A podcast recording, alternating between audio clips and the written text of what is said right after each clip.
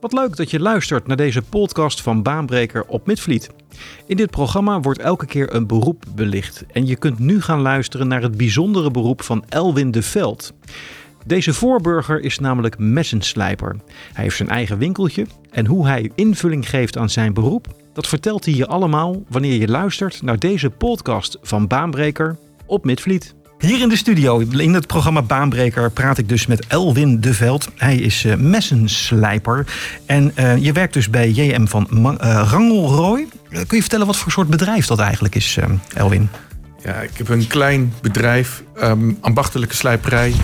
Met, wij importeren Japanse keukenmessen rechtstreeks vanuit Japan bij kleine messenmakers, kleine huizen. En die verkopen we in onze winkel aan zowel de professional, de koks dus eigenlijk, en de particulieren. Dus of noem ik altijd maar de enthousiaste thuiskoks of enthousiaste hobbykoks. Ja, maar zijn het altijd Japanse messen? Ja, alleen maar Japanse messen. Ah, okay. uh, reizen veel, nou, tot voorheen corona, maar nu weer komende hopelijk weer naar de messenmakers. We houden de contacten kort, de lijnen kort. En we kiezen eigenlijk de messen vanuit het slijpen, dus de kwaliteit van het staal.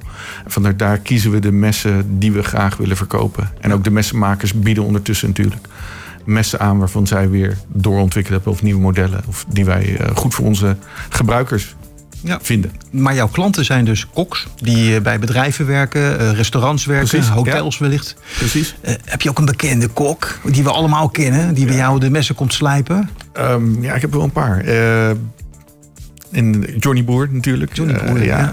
Sergio Herman, dat is gewoon een van mijn. ik heb een mooie klanten in België, in Nederland. ja, een van mijn ook helden, Massimo Bottura. Is waar we ja, komen om de messen te leveren. Ja. Aan tafel gebruikt hij ons mes. Dat vind ik wel een eer. Laat ja, het zo mooi, zeggen. mooi. Het is een heel proces, hè, zo'n slijpproces. Kun je, kun je in korte bewoordingen uitleggen hoe het in zijn werk gaat? Zo'n, zo'n, iemand komt met een botmes bij jou? Precies, ja. Um, inderdaad, je moet het bewerken. Het is ook allemaal handwerk. Uh, ik heb Japanse stenen ondertussen allemaal uit Japan binnen laten komen die wij gebruiken, zodat we dat Japanse mes ook goed kunnen slijpen. Het gaat over, denk ik, wel acht fases. Dus het werkt eigenlijk van grof. Uh, eerst uh, conditioneren, ook geometrie terugbrengen en daarna conditioneren, oppervlaktebehandeling en afwerking tot aan het echt vlijmscherp afpolijsten. Mhm. Mm -hmm. En alles wordt met de hand gedaan doe het niet alleen natuurlijk. Ik heb ook uh, twee jongens, uh, Ron en Bart, die uh, perfect zijn. En die helpen me bij de afwerking en ook weer bij, het, bij de klanten. Ja, maar je zegt, je doet het met de hand. Maar ja. echt, echt met een mes over een steen heen? Of, of, Precies, ja. Ik heb een kaiten toshi, zoals dat heet. Een Japanse watersteen. Dat is een steen, moet je bedenken, diameter van 60, 80 centimeter groot. Ja. Die draait in een water. En dat is de eerste fase waarbij je de vouw, eigenlijk de, de, ja, de kirea, zoals dat in het Japans dan heet, de, de vouw aanzet. Uh, om het profiel terug te brengen. Mhm. Mm -hmm. uh, daarna ga je polijsten naar verfijning. En dat doe ik op verschillende, ook weer Japanse stenen, van grof tot aan fijn. Zodat je meer profielbewerking krijgt of oppervlaktebewerking. Want ondertussen zijn zoveel verschillende modellen of verschillende bewerkingen van een mes. Die je moet bewerken of ook als messenslijper natuurlijk weer terug wil brengen. Om dat Ja. mes weer in originele staat te krijgen. Ja, precies. Of Ja. beter. Ja, ja, ja, ja. Dus er komt, het is echt een heel proces. Hoeveel, hoeveel messen doe je gemiddeld per dag? Ligt er maar net aan, want het is natuurlijk, sommige messen krijg je binnen van een chef. eh, de perceptie van scherp is voor iedereen anders. Mhm. Dus ene chef zegt, ja, ik moet een mes hebben wat als boter door mijn tomaatje heen gaat. Maar er zijn ook chefs die zeggen, ja, nou, het kan nog even, kan nog aanzetten en daar heb ik meer werk aan. Ja. Aangezien je toch, ieder mes moet al die stappen van fases af. En dat kan je niet versnellen. Eh, dat moet allemaal gedaan worden. Ja. Dus ja, het ligt er een beetje aan eh, hoeveel messen die dag ik heb. Soms eh, zijn het er 50, soms zijn het er meer. Ja. En, en, en je doet het dus niet in je eentje. Je hebt, je hebt daar twee jongens bij die jou daarbij ondersteunen. Ja, ja, ja precies. Twee jongens die eigenlijk... Ik doe wel het slijpproces helemaal alleen. Mhm. Jongens werken af. Of die gaan naar de klanten toe. Of die ontvangen ehm, klanten in de winkel die daar de verkoop doen of de advies over nieuwe messen. En mijn vrouw, die ondersteunt mee vanaf het ja, begin natuurlijk al. Maar zij doet uh, boekhouding. En oh wij runnen het bedrijf en kijken welke... Nou, als goede taakverdeling kan je echt je puur op dat slijpproces uh, Precies, ja, daar, daar, dat is een heel, fijne, heel fijne verdeling. Ja. Wat, um, wat, wat, hoe ziet voor jou een gemiddelde werkdag eruit? Je begint s morgens en dan ben je... Ja, begin vroeg. meestal kwart over zeven, half acht. En dan begin ik direct met slijpen. Uh, zeker omdat er van de dag ervoor zijn er messen binnengekomen van restaurants bijvoorbeeld die bot zijn. Mhm. Die ga ik slijpen. Die chefs hebben leensets van ons. En de volgende dag, die dag erna, wordt dat weer teruggebracht. Dus ik ga zorgen dat die messen weer perfect in conditie zijn. Uh, afgewerkt. Uh, die lopen dat proces door. Misschien hebben ze iets nieuws nodig. Dat kunnen we dan bijleveren. Uh, we gaan, laten ook onze nieuwe producten, nieuwe messen graag zien. En die nemen we dan ook mee. Dus, dus dat wordt dan ingepakt en gaat dan weer weg. Ja, dat gaat zo de hele dag door. Uh, en ondertussen komen nog mensen natuurlijk in de, in de winkel. Ja, precies. En, en ik zie aan je dat je het gewoon echt superleuk werk vindt dit. Ja, ik doe het vanuit mijn hart. Dat is gewoon een feit. Ja. Ik, uh, vooral het messlijpen, dat doen is heerlijk. Ja. En, ja. En, en de passie bij jou zit hem, denk ik, eh, die, die, die, dat scherpe mes wat jij wil afleveren. En, en precies zoals die klant hem wil hebben. Ja, het mooie vind ik eigenlijk wel dat ik aan het slijpen ben. Ik zie, mijn ik zie het mes en ik heb een chef die zegt van, eh, nou, dit mes is bot. En ik kijk naar het mes, ik kan precies zien wat ermee gebeurd is.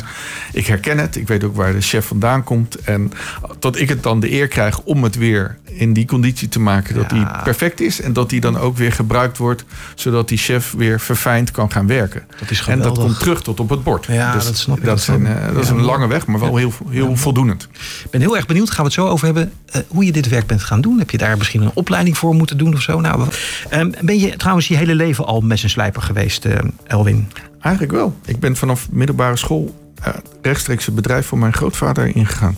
En dat was een keuze die misschien nog niet zo onderbouwd was, mhm. maar wel waar ik voldoening in had. In de zin van, ik was altijd in vakanties hem aan het helpen. Ik ging mee aan zijn hand uh, een keuken in, of uh, dat vond ik een mooie wereld. Ja. Altijd met mijn handen dingen gedaan. En uh, mocht ook dingen doen. Dus ik mocht wel eens een mes vasthouden om te slijpen. Of wat dan ook. Ook al was het wel ja, gevaarlijk op die leeftijd toen. Maar het mocht wel. En dat, ja, dat vond ik gewoon een hele mooie, intrigerende wereld. waarin hij zat met die, met die koks. Precies. En toen ben je zo dat erin gerold. Ja. En, en, ehm, wat heb je moeten doen om messenslijper te worden? Welke opleiding heb je daarvoor gevolgd? Ik, ik heb mijn, eigenlijk mijn ateneum gedaan, dat is het, de opleiding. En daarna ben ik gewoon in de praktijk gaan zoeken. Dus ik ben veel bedrijven gaan bezoeken die messen maken. Ja. Daar heb ik het proces goed bekeken en gevraagd of gezien wat, wat ze gebruiken. En dat ben ik gaan zoeken. En eerst ging dat moeilijker, maar later werd dat makkelijk met internet wat kwam en dergelijke. Ja. Dat de markt open ging. Maar die spullen allemaal zelf. Het is echt trial and error. Dus de docent messenslijper bestaat helemaal niet? Ik heb hem nog niet ontmoet. Ja, misschien ben ik het dan. Ja, ja, ja, nou, ja. Ja, ja, dat zou heel goed kunnen.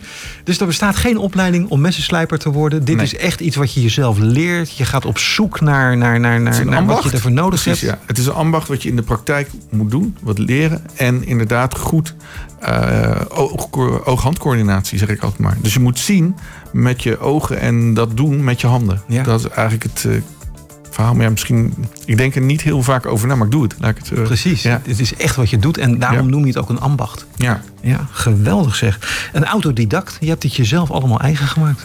Ja, dus om te kijken, je ziet, uh, je luistert veel naar chefs. Wat willen ze? Wat, willen ze? Wat, wat verwachten ze van een mes? Dat is het belangrijkste. Ja. Dus een chef wil dit gaan doen en hij verwacht dat hij lang scherp blijft, goed zelf te onderhouden is. Wat moet je daarvoor doen? Hoe is dat mes opgebouwd? Daardoor ben ik ook uh, afgestapt van de westerse messen en is mijn oog gevallen op de Japanse messen. Dat is eigenlijk alleen maar omdat ik in de praktijk aan het slijpen was en ik kreeg een, een Japans mes van een chef in mijn handen. En daar dacht ik, wauw, dat was een eye-opener. Ja. Dit, is, dit is anders opgebouwd. Dit zijn andere staalsoorten. Ik moet hier naartoe. Nou, dat, dat was de eerste dat ik tegen mijn vrouw zei, kom, we gaan. Mooi zeg, mooi, mooi, mooi. Heb jij er nog andere competenties, persoonlijke eigenschappen? Ik hoor je zeggen, je moet goed kunnen luisteren naar wat wil je chef. Uh, dus, dus je moet, moet, daar heel erg open voor staan. Ja. welke nog meer? Ik denk uh, eigenlijk uh, terug naar de bron. Dus waar inderdaad het vandaan komt, vind ik altijd heel belangrijk. Maar dat heb ik ook van, van chefs. Je wil weten hoe het gemaakt wordt, hoe het uh, gefabriceerd wordt.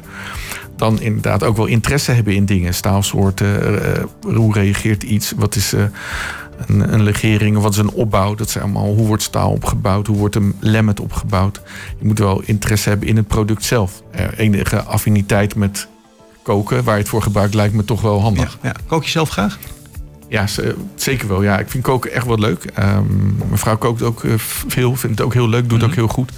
Ga natuurlijk ook graag uit eten. Dat is, het komt er nu ook weer aan, ja, dus daar kijk ik ook naar uit. Ja, ja. ja, dat zal ook best wel voor jou in de coronatijd wat minder, eh, minder klanditie hebben gehad. Uh, de, al die chefs. Precies, ja. De, rest, de, de restaurateurs en de chefs die hadden inderdaad ook minder te doen. Ja. gelukkig de creatievelingen die veel